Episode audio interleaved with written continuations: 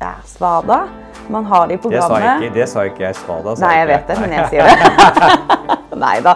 Eller jo, altså, man har det jo eh, altså, Det er mye fint som står i programmene.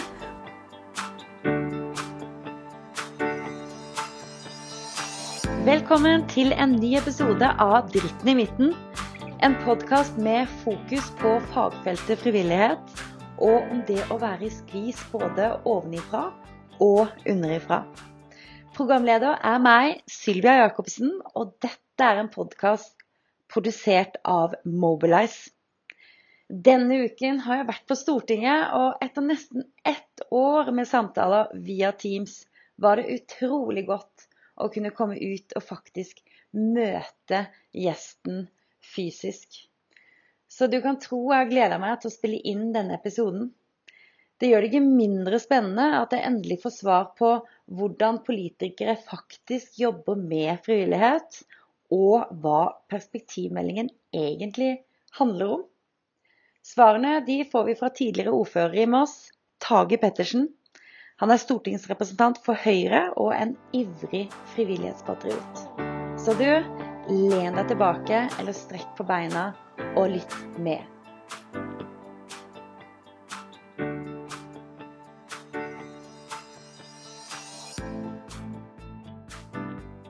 Velkommen til eh, dagens, eller ukens podkast, Tage. Takk for det. Veldig hyggelig at du tar deg tid nå midt i valgkampen. Skulle bare mangle. Det er jo et viktig tema vi skal snakke om, Ja. så det gjør jeg med glede. Ikke sant? Og temaet i dag er jo eh, frivillighet i politikken og fremtidens frivillighet. Og eh, jeg har alltid vært nysgjerrig også på hvordan, hvordan dere ja, ivaretar de frivillige, og, og hvordan dere jobber med frivillighet i politikken. Og nå selvfølgelig litt spesielt i forhold til hvordan dere i Høyre eh, jobber med frivilligheten. Så det gleder jeg meg veldig til. Og, men jeg har lyst til å starte, litt, bli litt mer kjent med deg, da, Tage. Hvem er du, og, og hvordan starta din reise inn mot en plass på Stortinget? Altså, så syns jeg òg det er veldig interessant å høre hva slags motivasjon du hadde for å, for å sitte på Stortinget. Jeg er vel som alle andre frivillige med fordi at du har noen drivkrefter i deg som har lyst til å, å bidra. Og det kanskje mange ikke tenker på, faktisk, er jo at eh, politikk 90-95% av de som driver med politikk, er jo også i aller høyeste grad frivillige.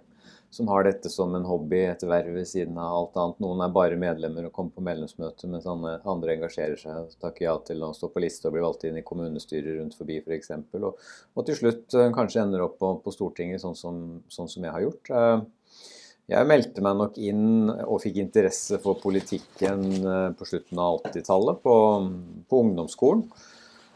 Så kan jeg si i ettertid, og jeg har sagt det til han, og nå lever han dessverre ikke lenger, men min, min, min samfunnsfagslærer den gang eh, var eh, en, en skikkelig AKP-er eh, som visste å bruke eh, samfunnsfagstimene til å provosere.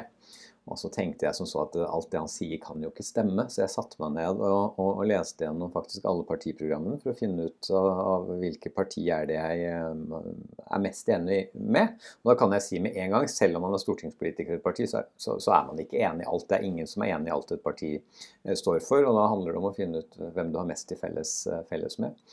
Og det valget falt på, på Høyre den gangen, og jeg husker jeg hadde skrivemaskin hjemme, så jeg skrev et brev til Moss Unge Høyre, hvor da Brede Bø, som jo er godt kjent, var formann, som det het også i Masse Unge Høyre, og spurte om det var mulig å bli medlem i, i, i, i Masseregionen Unge Høyre. Og det var det selvfølgelig.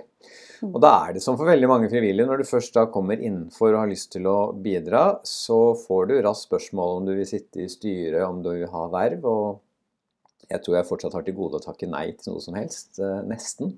Eh, Så jeg takka ja til det, og etter et halvannet års tid så var jeg formann i Masseregionen Unge Høyre. Et par år etterpå så ble jeg formann i Østfold Unge Høyre. Jeg Ble valgt inn i kommunestyret i Moss første gang allerede i 91. Mm. eh, Og var ungdomsalibiet eh, den gangen. Og så har det vel egentlig bare fortsatt. Jeg hadde en fireårsperiode hvor jeg eh, seilte på kystvakt i Barentshavet, som var litt upraktisk å, å ha noen verv hjemme. Så det er en periode siden 91 jeg ikke har vært folkevalgt. Mm. Ellers har jeg vært folkevalgt hele veien, og ble jo ordfører i Moss i 2011, og var det i seks år, før jeg ble valgt inn på Stortinget i 2017 og jobber jo for å få fire nye år nå i, i, i valgkampen. Så har jeg vel ved siden av det også vært frivillig engasjert i veldig mye annet. Jeg husker på 90-tallet så var jeg med å starte Ungdom mot rasisme i, i Østfold. Uh, jeg har vært med i, i um, Bokmålsforeningen i, i sin, uh, sin, tid. Jeg var med i Moss og startet Natteravnene. Uh, og så har jeg alltid vært engasjert i idretten, så jeg har jo fortsatt også et frivillig verv der, hvor jeg er president i Norges ishockeyforbund. Jeg har vært det nå i, i snart fire år. Aldri spilt ishockey selv, men en sønn da, som begynte når han var fem år. Og som igjen, da, som ivrig foreldre på sidelinja, så får du først, eller fort spørsmål om du vil være med. Og det takka jeg jo ja til, så jeg ble jo formann i, i Kråkene i Moss, som klubben heter der. Og så har det liksom gått gradene der også. Så, så, jeg har alltid vært engasjert. Jeg har alltid takka ja, og alltid vært opptatt av frivilligheten. Og nå har jeg jo brukt de fire siste årene uh, i familie- og kulturkomiteen mye tid på frivillighetspolitikk. Mm. Det, det, er jo som musikk i mine ører. Eh, jeg er jo en frivillighetsnerd, eh, så vi har, vi har jo snakka en del før om viktigheten av eh, frivillighet, og ikke minst Jeg pleier å si at det, det med frivillighet er jo et eget fagfelt, da. Men, men, hvis vi går tilbake til det med Altså, hva var motivasjonen din til å sitte på Stortinget? Snakka vi litt om. Men det som jeg alltid syns er interessant når man tar på seg et verv, da, eh, altså, Ser du at på en måte fra du sa ja til å sitte der, til nå har motivet endra seg? Eh, fra når du starta?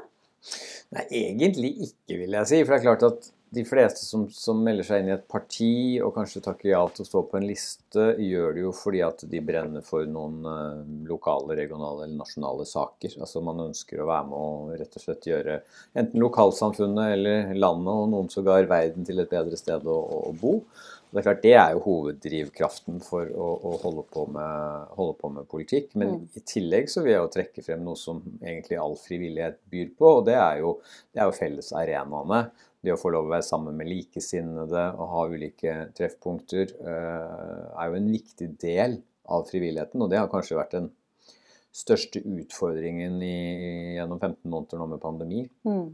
Fordi den eneste belønningen man får, er jo kanskje å komme på medlemsmøte, få et godt foredrag, en kaffekopp, eh, en kringlebit, eh, sosialt samvær. ikke sant? Og så De siste 15 månedene så har jo den biten ikke vært der, mens alle forpliktelsene har, kanskje vært på den andre siden. og kanskje for mange frivillige også enda tøffere, for de har måttet planlegge om, de har måttet tenke hvordan sikre økonomien når vi ikke får drive med aktivitet osv. Så, videre. så man har hatt alle, de, alle bekymringene og få av gledene. Og, og, det tror jeg er viktig å fokusere på nå når vi gjenåpner samfunnet. Uh, at vi må skape de arenaene igjen, for, for, det tror jeg kanskje er det, noe av det aller viktigste for limet i frivilligheten. Mm, mm. Ja, det blir spennende å følge med nå, hvordan det blir og hvilke konsekvenser det har gitt. Eh, men eh, nå hadde vi jo en fin samtale knytta opp mot fremtidens frivillighet under Arendalsuka, bare for noen uker siden. Eh, og da snakka vi om nettopp det her og alle de positive ringvirkningene da, som har kommet ut av også av en pandemi. Så det, det er jo noe positivt som har, har, kommet ut av det. Kan du nevne noen av de tingene som vi, vi belyste da, som var positivt? Jeg tror jo, holdt på å si alle epoker eh, har negative og positive sider, og det, og det, gjelder selvfølgelig pandemien. Den har jo mange tragiske eh, sider både for enkeltmennesker og næringer. Eh, samtidig så tror jeg det også har gjort noe med ikke minst måten vi jobber på. Eh, det enkleste eksempelet er jo egentlig bare å, å, å trekke frem eh, digitale eh, møtearenaer. Eh, det har vel nesten aldri vært så lett å gjennomføre et medlemsmøte eller et styremøte eh, som det er nå, hvor man kan koble seg opp på en skjerm og, og, og både enten lytte hvis man ønsker det, eller være deltaker hvis man, man ønsker det. Så, så, det har på mange måter bidratt til å senke terskelen for å gjennomføre den type aktiviteter.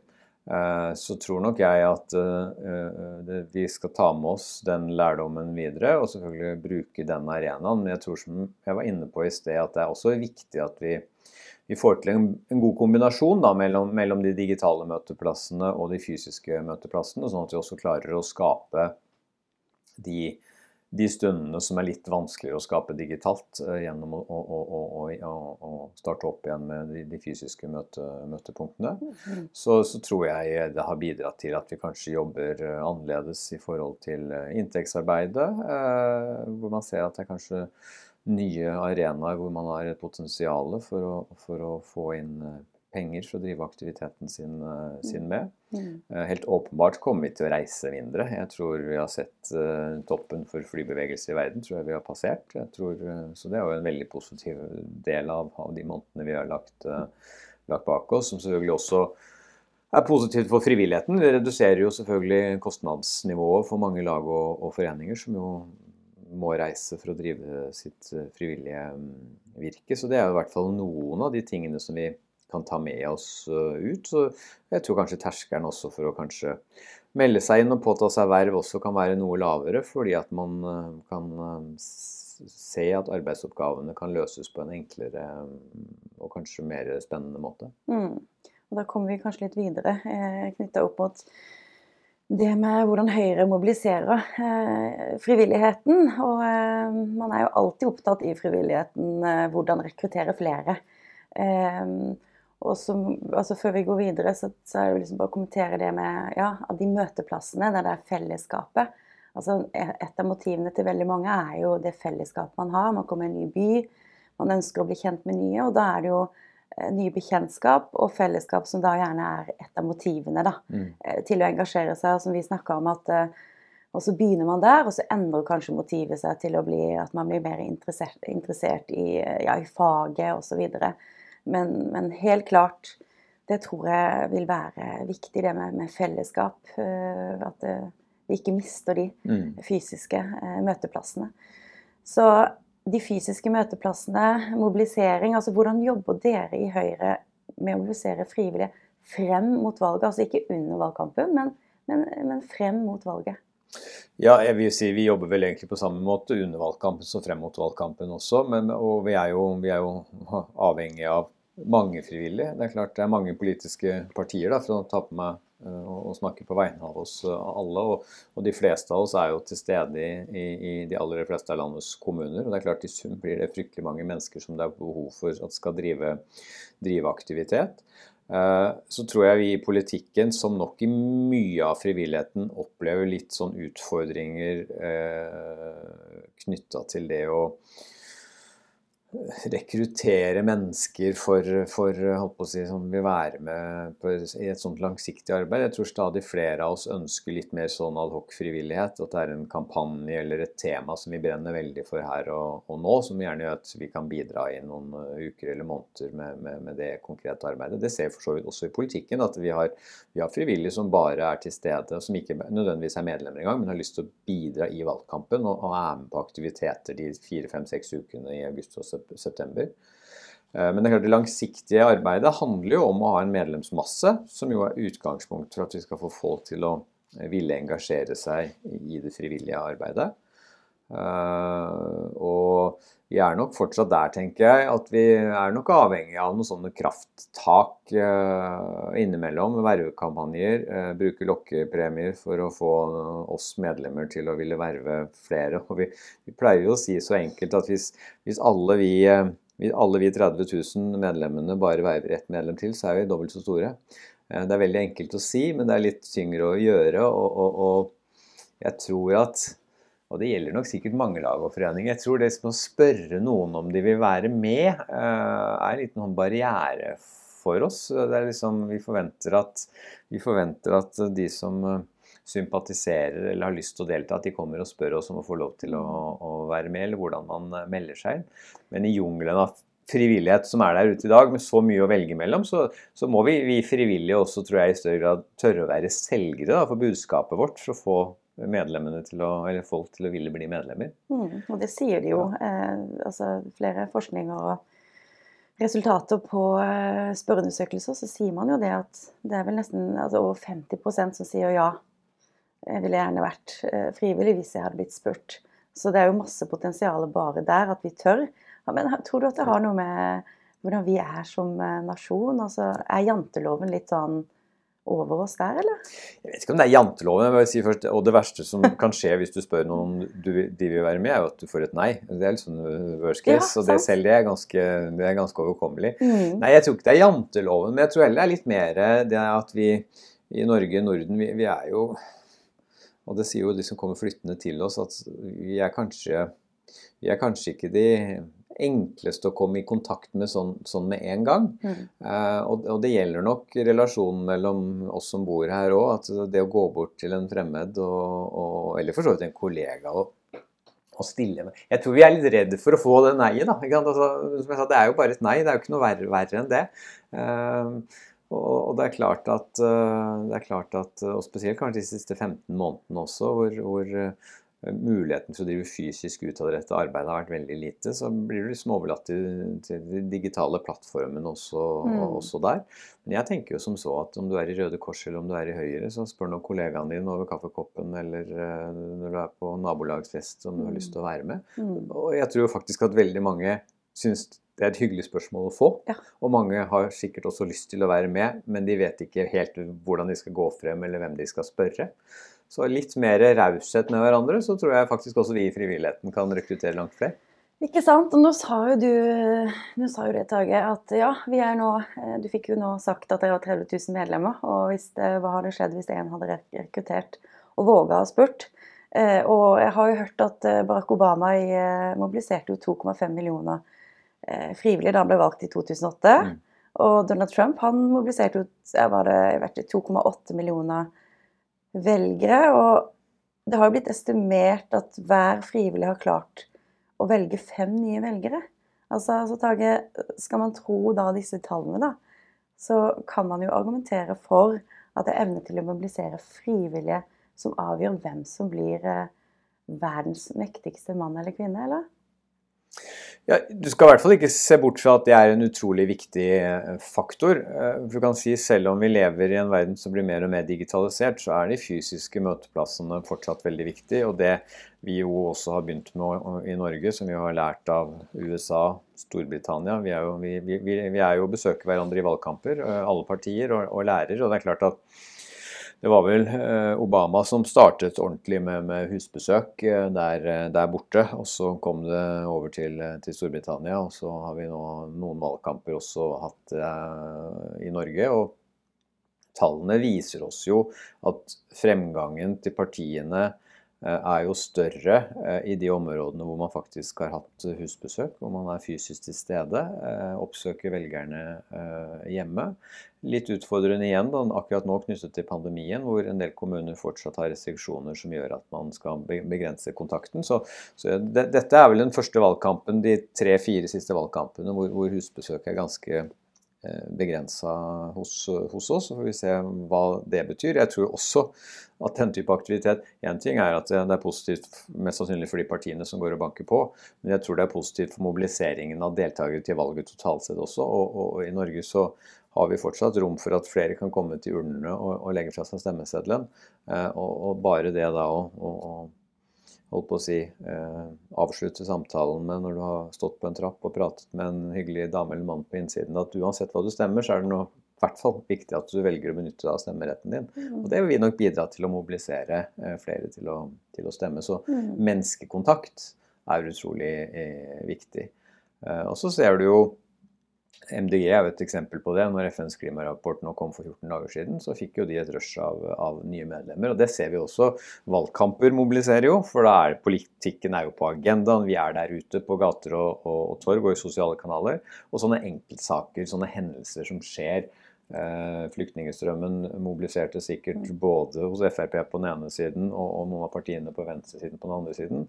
Eh, klimasaken akkurat nå. Så, men det er igjen litt eksempel på det jeg var inne på i sted. Litt mer sånn eh, frivillighet basert på litt mer sånn adhoc. Hva er det som er på agendaen akkurat nå? Mm. type utfordringer. Og, og, og, da er det viktig at vi forsøker å holde de om bord etterpå. Ja, og da er jo det interessant å høre hvordan dere har gjort det, eller hvordan dere tenker å gjøre det. Fordi man, man, man vil jo gjerne skape lojalitet kanskje blant også de adhoc-frivillige som nødvendigvis ikke er aktive medlemmer. Men hvordan jobber dere da inn mot eh, neste stortingsvalg da, eller kommunevalg for å ivareta disse? Og, det, og det, det, er et veldig godt spørsmål. Veldig mange som eh, ender opp med å si ja til å stå på en liste foran et kommunevalg i et politisk parti, ender jo opp der fordi at de er brennende engasjert i én konkret sak. Det kan være nærmiljøet, nærskolen, barnehagedekningen i kommunen. Som i deres livsfase akkurat der og da er kjempeviktig. Og så blir man jo ofte valgt inn, da.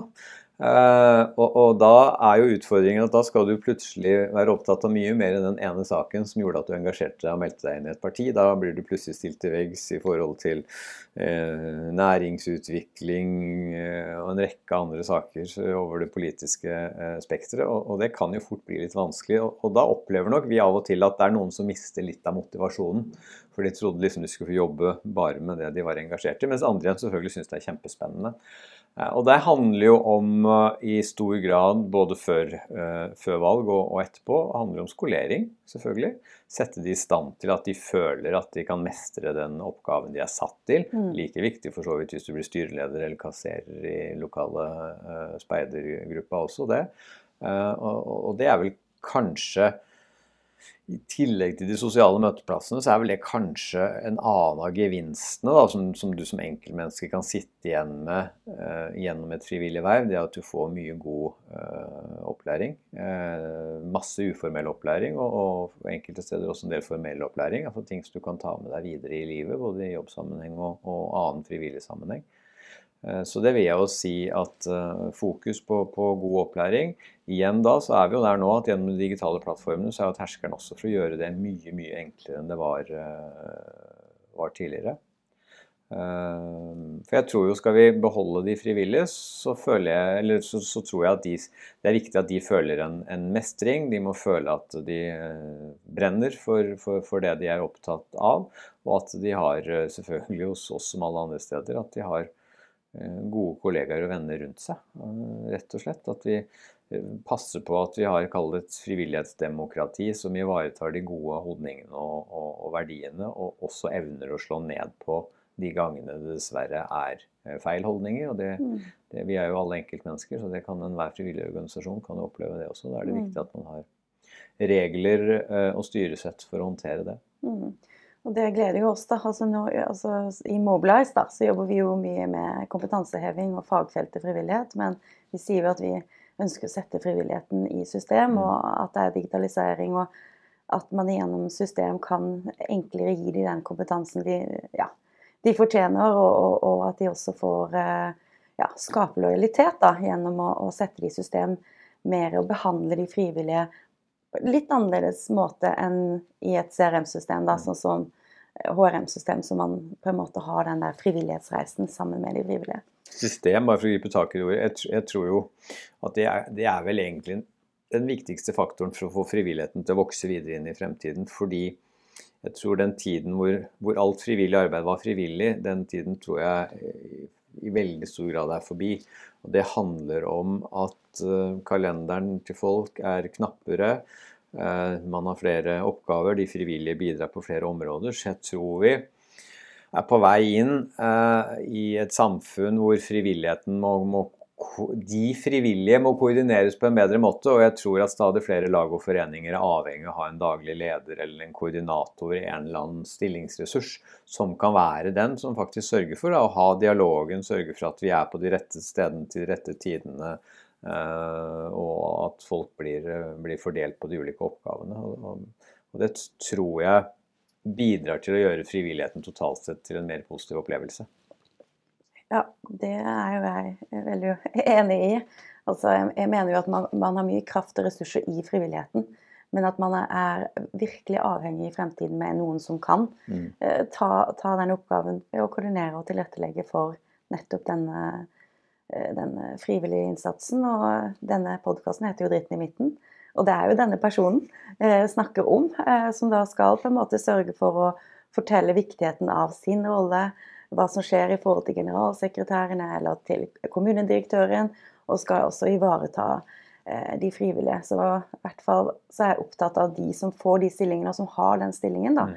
får den anerkjennelsen eh, de fortjener. For det er komplekst og krevende, og en utrolig viktig jobb, da. Det er det, og Derfor synes jeg det er flott at stadig flere kommuner også både får på plass en, en, eh, en frivillighetsplan sammen med frivilligheten. Eh, flere kommuner eh, får på plass en frivillighetskoordinator som bidrar til både dialogen mellom kommunen og frivilligheten, men også mellom, mellom mangfoldet i, i, i, frivilligheten. Og Det er jo et paradoks at vi i 2021 Eh, hvis vi spør en sentral person i en kommune, være seg i politikken eller administrasjonen, om de vet hvilke frivillige lag og foreninger som befinner seg i sin kommune, så er det de færreste som kan, kan svare på det. Og som jeg sa, jeg har vært ordfører seks år i, i Moss, og da fikk vi på plass nettopp en frivillighetsplan og en frivillig koordinator. Og vi ser nå, ja, fem år etter, etterpå, hva det faktisk har betydd av positive synergier både for kommunen og for frivilligheten, og for veldig mange av de som jo også får bistand fra frivilligheten eh, i, mm. i, det hele. Så, så, det er i hvert fall en oppfordring fra meg til kommunepolitikerne der ute. I den grad de ikke har det på plass, så, så bør det høyt på agendaen. Mm, mm. Så bra. Men nå må jeg jo gå litt videre, eller vi må gå litt videre. Eh, fordi de tingene her du sier er helt essensielle og viktige. Og du er jo veldig opptatt av frivillighet, det, det ser jeg jo i de handlingene og de verva du har hatt.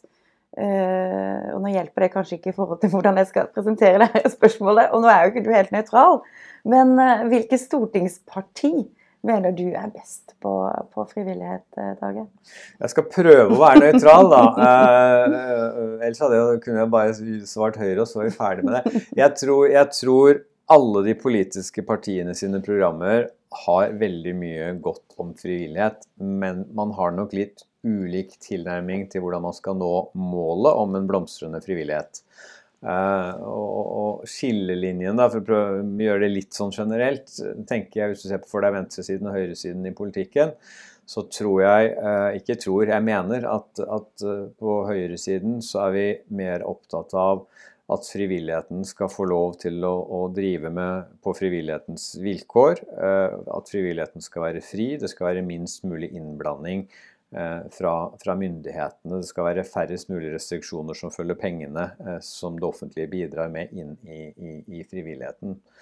Eh, så, så utover, utover, det så, så, så, tror jeg vel det er og Spesielt når det kommer ned på kommunenivå, så tror jeg det er et stort fokus fra, fra alle.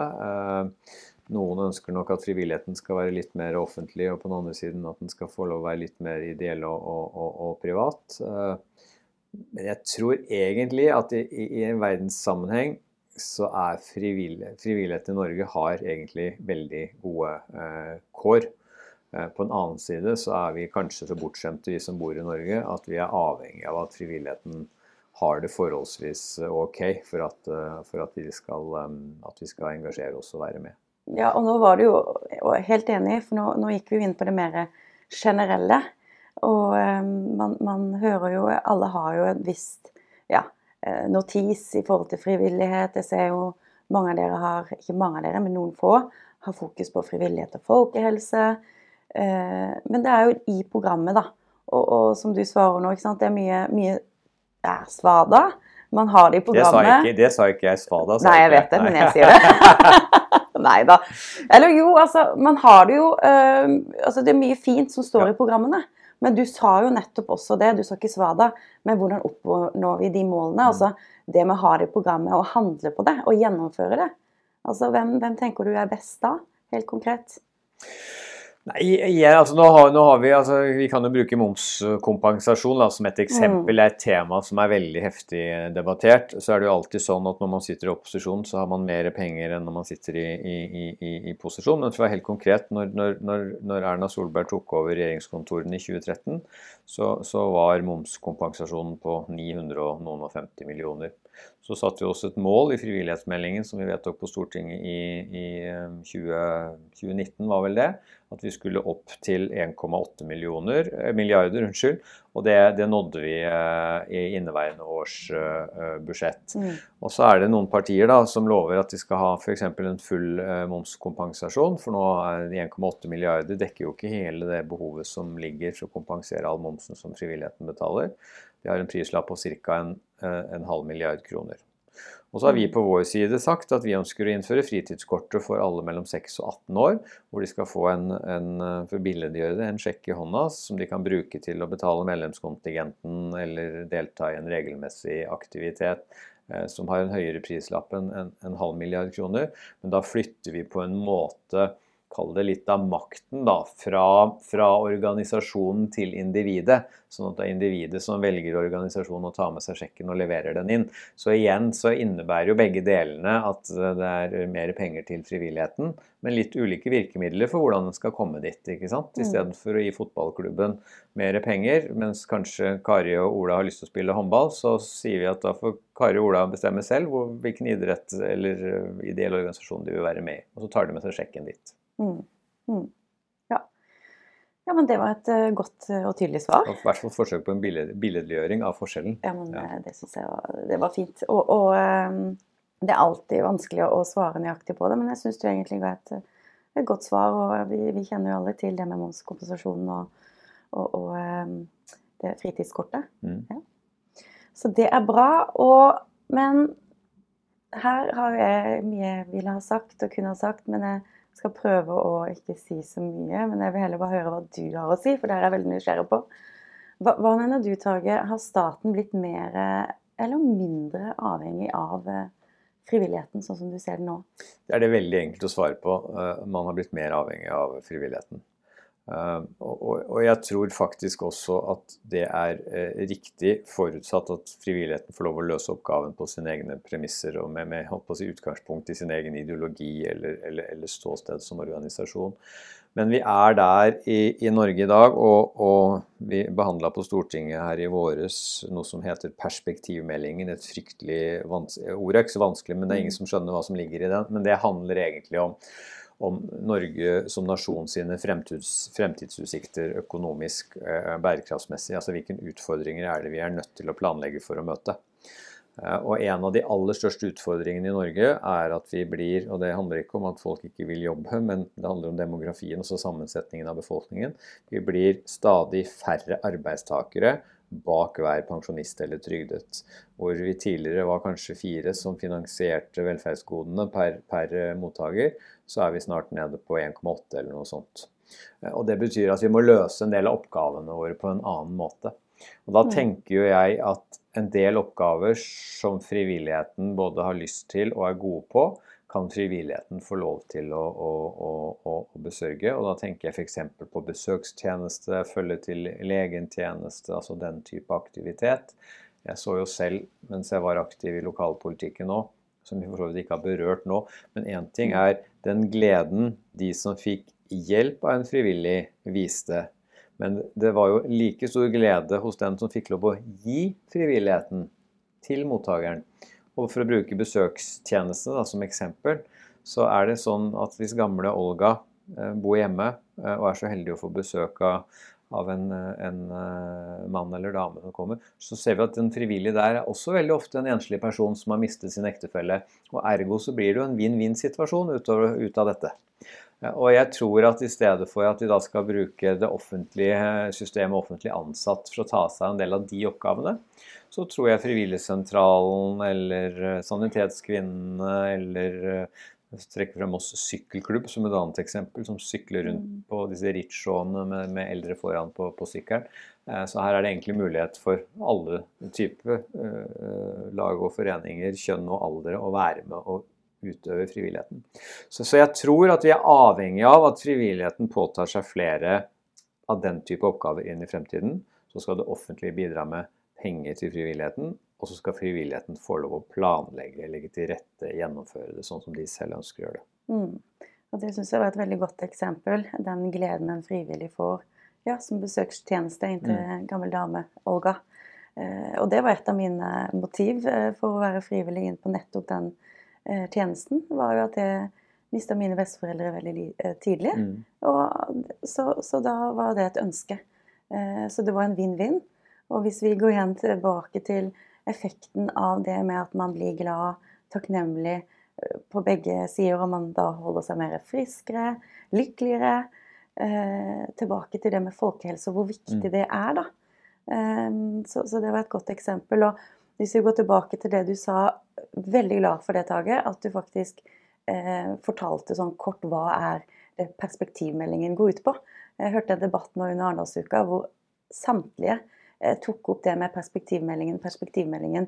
Men eh, ja, med meg og flere sikkert syns det var fint å få en sånn kort hva er det det egentlig handler om. Ja. For det er veldig mange som snakker om perspektivmeldingen og bruker det uh, uten å egentlig forklare det. Er det noe vi er gode til i politikken, så er det dessverre å bruke altfor vanskelig språk. Så vi må jo vi må skjerpe oss der. Men igjen mm. tilbake til gleden. Jeg fikk lov å være Og jeg sier fikk lov, for det er jo ikke noe selvfølge Jeg fikk lov å være leksehjelp i, i, to av de årene jeg var ordfører. Og Jeg hadde to somalske brødre som var nyankomne til Norge. Riktignok ikke i samme aldersgruppe eh, eller klasse, men det betød jo at, at jeg måtte jo forberede meg på to ulike nivåer. Men det var, først så var det Først så var det kjempehyggelig å bli kjent med disse to gutta, og jeg er venner med de fortsatt i dag. Skal faktisk hjem til, til en av de i, i, kveld, som har vært i hjemlandet sitt en tur, så jeg vil fortelle om det. Uh, men det ga meg jo så mye glede. altså Avbrekke en travel ordførerhverdag og få lov å sitte der og hokutere på norsk og samfunnsfag og matematikk. Det var utrolig gøy. Og så friska du jaggu meg opp hjernecellene mine òg, mm. for det var ting der jeg hadde ja, Jeg visste jo når de kom hva vi skulle gjennom, men ofte så var det ting som jeg egentlig ikke kunne hvis jeg ikke hadde googla og satt meg litt inn i det. For man husker jo ikke alt, selvfølgelig. Så det var jo en god sånn refresh for seg selv òg. Så det er et helt enkelt eksempel på leksehjelp gjennom Frivilligsentralen som ga meg masse positive erfaringer og vennskap for livet. Mm. Mm. Ja, nei, så ringvirkningen er jo helt utrolig ja. fantastisk og viktig. og nå begynner vi å gå mot eh, slutten. Nå har vi jo snakka om deg og dine motiver, eh, frivillighet i politikken, eh, Høyre generelt. Og så har vi toucha også inn på fremtidens frivillighet. Hva er det vi tenker er viktig? Og hvis vi da skal oppsummere det kjapt, så hører jeg jo at vi må bli flinkere alle sammen. Dere politikere og alle som jobber i frivilligheten, er å våge å spørre. Mm. Eh, blant annet. Mm. Eh, og så kan du òg oppsummere andre av de viktige tingene som du mener nå vi må oppsummere. Men da vil jeg også spørre deg hva dine tre beste tips er for, for å mobilisere til frivillig innsats til den kommende regjeringa. Altså de tre beste tipsene du har for den eh, ja, det var jo et stort spørsmål igjen, da. Eh, og vi kommer jo ikke innom det som vi har berørt litt. Det handler jo om finansiering. Eh, vi er, vi er avhengig av at vi som nasjon, for å stimulere frivilligheten, faktisk velger å prioritere å bruke penger på det. Og det er jo sånn i dag at jeg tror Av departementene så er det 11 eller 12 departementer som har ulike eh, stønadsordninger til, eh, til, frivilligheten. Det betyr jo på den annen siden at det er en jungel å forholde seg til. Så jeg, jeg tror i tillegg til penger, forutsigbarhet og penger eh, for statens del, så må vi ha en forenkling. Eh, det må bli enklere å sette seg inn i regelverket, det må bli enklere å søke, og det må bli en raskere saksbehandling, sånn at man slipper å vente så lenge. Og alt det kan løses gjennom noe som det er igangsatt et arbeid med, som, som rett og slett handler om å digitalisere og, og ha, som Nav-reformen i sin tid, en felles dør inn, sånn at alle kan, kan eh, finne ut av, eh, av, dette. Så tror jeg det er viktig at vi Eh, bidrar med, med, med, gode og trygge arenaer hvor frivilligheten kan finne sted. Eh, der er det jo primært kommunene som, som sitter på, på, de arenaene. Og det er for så vidt like viktig for fotballaget, men eh, for speideren at Røde Kors har et sted å være. Og det kan være selvfølgelig både gjennom kommunale eller offentlige bygg og, og anlegg, men også at man har gode ordninger for at de som har sine egne bygg og anlegg, får støtte til å kunne drifte, drifte de, de, arenaene. Mm. Um, og det tredje tenker jeg at uh, har jeg lyst til å løfte det på individnivå. For da har vi hatt uh, staten, og så har vi kommunen, og så har vi oss som enkeltmennesker. Uh, og, og, det tror jeg rett og slett handler om å å være inkluderende og, og, og, åpne og skape arenaer hvor, hvor ikke minst nyankomne, holdt på å si, om de flytter fra et annet sted i landet eller om de kommer fra et annet land, føler at dette er et hyggelig sted å, å være. Eh, og det tror jeg først og fremst er avhengig av oss som allerede er med. At vi faktisk har lyst til å inkludere, dele og åpne. Eh, så det tror jeg vil være de tre oppsummeringene jeg har. Forutsigbarhet og forenkling fra staten trygge, gode arenaer fra kommunene. Eh, og åpenhet, raushet og inkludering fra oss som enkeltmedlemmer. Så fint. Det var veldig godt oppsummert. Nå har jeg lært litt, enda mer. Jeg har vært nysgjerrig på frivillighet i politikken. Jeg har fått et innsyn i det, og det eh, har vært utrolig interessant, Tage, å ha denne samtalen med deg. Det har vært eh, Ja, så jeg, nå må jeg bare si lykke til med valget og eh, det dere har å jobbe med mot der. Og, ja, og fremtidens frivillighet håper jeg jo at dere virkelig eh, ja, løfter opp. Og det du allerede har sagt her nå, og det dere har jobba med, har jo vært veldig fint. Så jeg håper at uh, du står for ditt ord, og at dere gjennomfører det hvis dere vil fortsette, kommer til å fortsette å være i regjering. Takk for det. Og uansett om jeg kommer til å være politiker i posisjon eller opposisjon, så skal mitt hjerte banke for eh, frivilligheten. Og, og, og, det beste med sånn samtale som dette er jo at man selv også må reflektere mm. og, og gjøre seg noen tanker. Så jeg har også lyst til å takke for en, en hyggelig samtale som har satt eh, fokus på et eh, kjempeviktig område.